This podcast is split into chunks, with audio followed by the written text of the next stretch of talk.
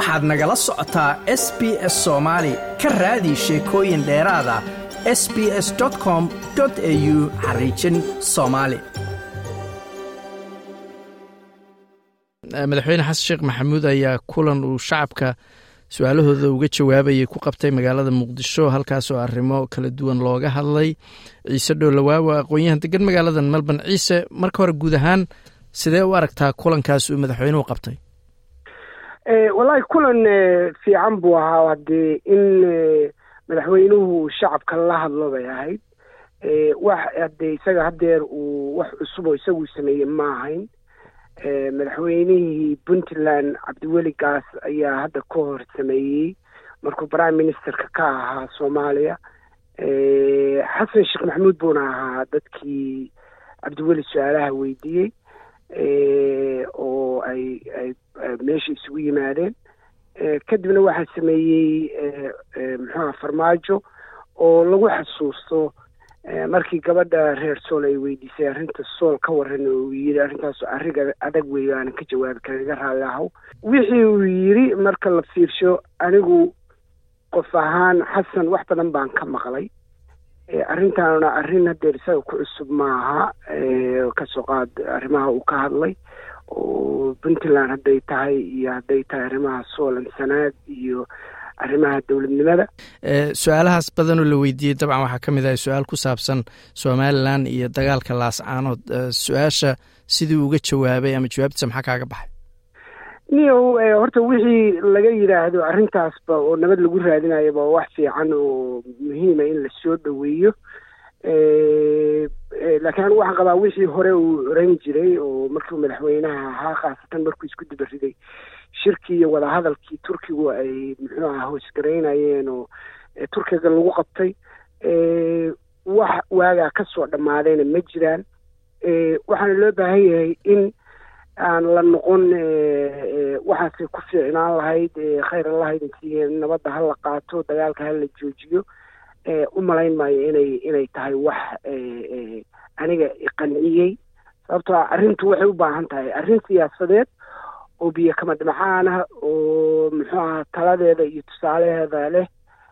Loona baahan yahay in in in si deg dega wax looga qabto ee dhiigga lagu joojiyo solan sanaadan caynna waxa ay doonayaan iyo siday waxu rabaan. Isagaa meesha madaxweyne ka ahay somaliland isagu haddeer iyagu waxay qabaan inuusan madaxweyne u ahayn waddan gooni ay yihiin.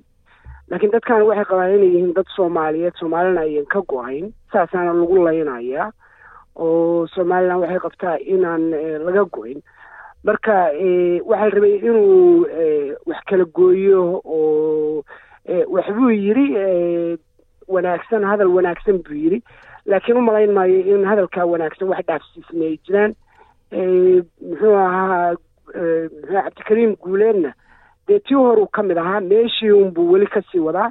Waxaan u rajaynayaa inuu ku guulaysto oo ilaahay ku guuleeyo. Oo ilaahay waxa uu damacsan yahay iyo waxa uu leeyahay in ilaahay iswaafajiyo oo ay wax wanaagsan ka yimaadaan. Laakiin anigu ma qabo in wax macno uu soo kordhiyay. Intii hore unbu ku soo ceshay. Waa gartay su'aal kalaa jirtay oo ku aadanayd hadalhayn baryahan aada warbaahinta bulshada iyo warbaahinta guudba loo hadalayo ku saabsanayd gabar madaxweynuhu uu dhalay oo safarada u raacraacda shaqadeeda rasmiga inkastoo aysan caddayn inkastoo ay jireen waraaqo la leeyahay waa la magacaabay laakiin xaqiiqdu aan la hubin.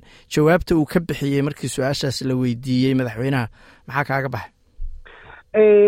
Waa mahadsan tahay horta gabadhaasu gabadha inaan iyada anigu wax ka sheego ma rabo. Waxaa laga yaabaa inay gabar aqoon leh tahay karti leh hufnaan leh.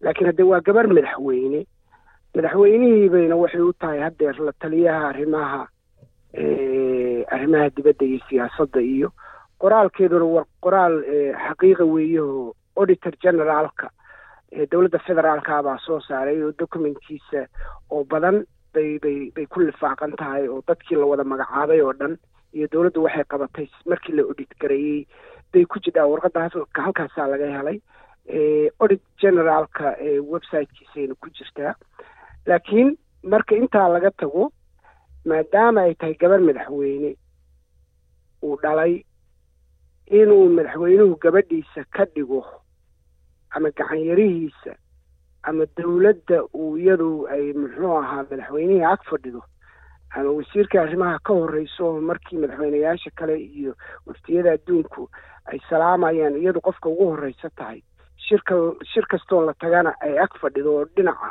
bidixdaa ka fadhido. Iyo aniga waxay igu muuqataa khalad.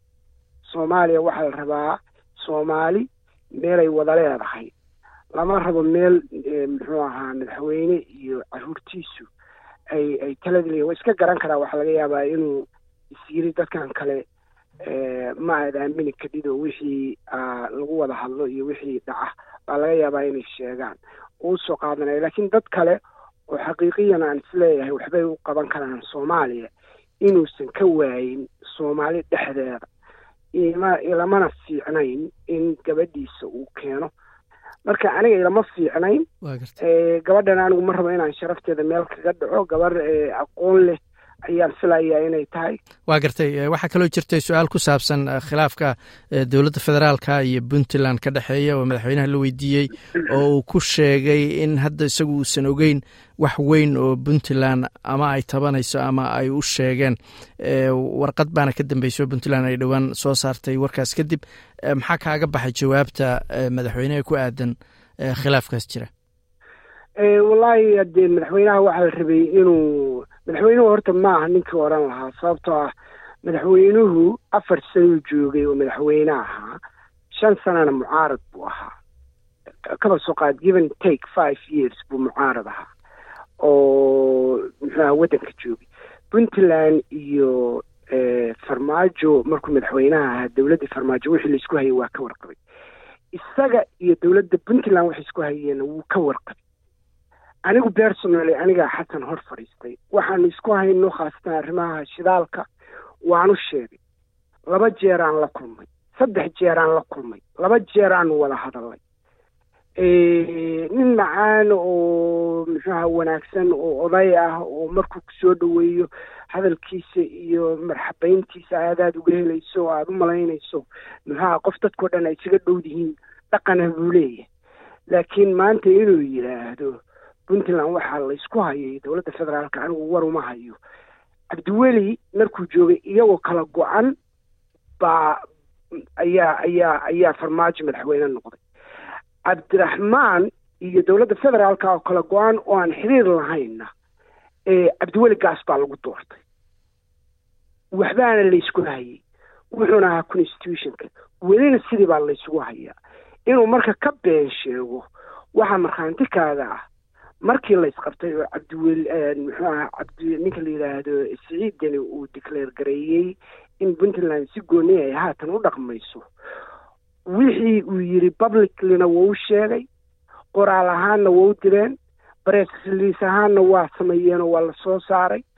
Kadibna waxaa la soo saaray guddi ka kooban labo wasiiro iyo technical qoraallay soo saareen wixii laysku hayay bay qoreen january february meelahaasay ahayd.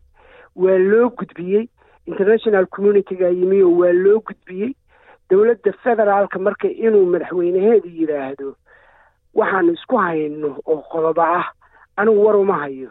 Waxay kutusaysaa xasan inuusan ka ahayn daacad waxa laysku hayo ama uu yaraysanayo uu arko wax macno leh maaha ma ma wax wax dhici karana maaha. Horeyna waa u ogaa oo isaga iyo cabdiraxmaan dowladdiisii wixii la isku qabtay baan la ogaa aan weli la soolaf garayn waktigii cabdiweli baa la ogaa oo aan la soolaf garayn waktigii farmaajaa la ogaa oo isagu mucaaradka ka mid ahaa oo siciid garab fadhiyey oo ay wada dagaalamayeen oo farmaajo ay aada uga soo wada horjeedeen hadeerna marka iyada muxuu ahaa wixii laysku qabtay oo layiri dee wadaa madaxweyne meeshii kaa waxaanaanu sheeganayna wixii wax ka qabato weeye laysku dhacay. Ninka la yidhaahdo siciid cabdullaahi deni markuu xamar ka soo noqday khudbad buu jeediyey oo dadka u jeediyey. Uu ka hadlaayo waxa ka dhacay xamar sababtay u diideen inay saxiixaan waxay iskaga hor yimaadeen sababta iyan u aqbali doonin iyo sababta uu rabo inuu marka go'aan uga gaaro inuu tallaabo kala qaado. Tallaabadiina waxay noqotay inay puntland tiraahdo si gooniyaanu isu maamulaynaa. Ilaa laga heshiinayo marka wuu ogyahay wuuna ka warqabaa laakiin isaga siilyeelaya waa gartay. Tan ugu dambaysa marka hadda sanad baa u buuxsamaya xilligii ka soo wareegay markii xasan sheekh maxamuud uu madaxweynaha noqday. Wixii u qabsoomay ama waxa aan u qabsoomin markaad fiirisid guud ahaan haddii lagu yidhaahdo scoorsi ama buundo maxaad siin lahayd? Waxaan is oran lahaa shan meelahaasaan geyn lahaa sababtaa soomaali heshiis maaha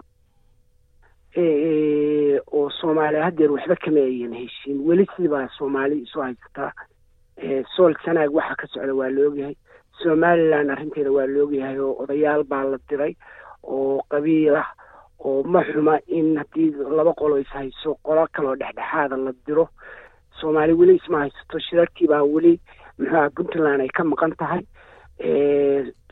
puntland hadalkii kama kama dhammaan oo intaa waa hadlaysaa waxay leedahay waxaasaanu muxuu aha tirsanaynaa arrintaa weli lama xallin arrintii la dagaalanka argagixisada meel fiican buu soo gaarsiiyey laakiin aniga aragtidayda weli wax badan baa ka dhiman. Iyagii weli waa nool yihiin weli waa la dirirayaan dagaalkii waa yaro joogsaday because dhaqaale ahaan iyo hub ahaan iyo tala ahaan wax markii hore intuu ka baaraan degay uu bilaabay ma ayan ahayn nimankan reer hiiraan oo nimankan khatiyaan ka taagan baa maxawisleydi a maqasheen.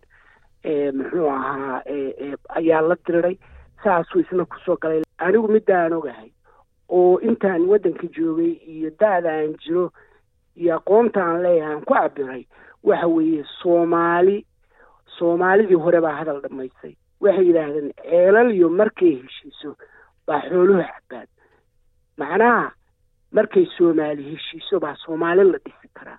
Soomaali ma heshiin soomaali waxba heshiis kuma aha.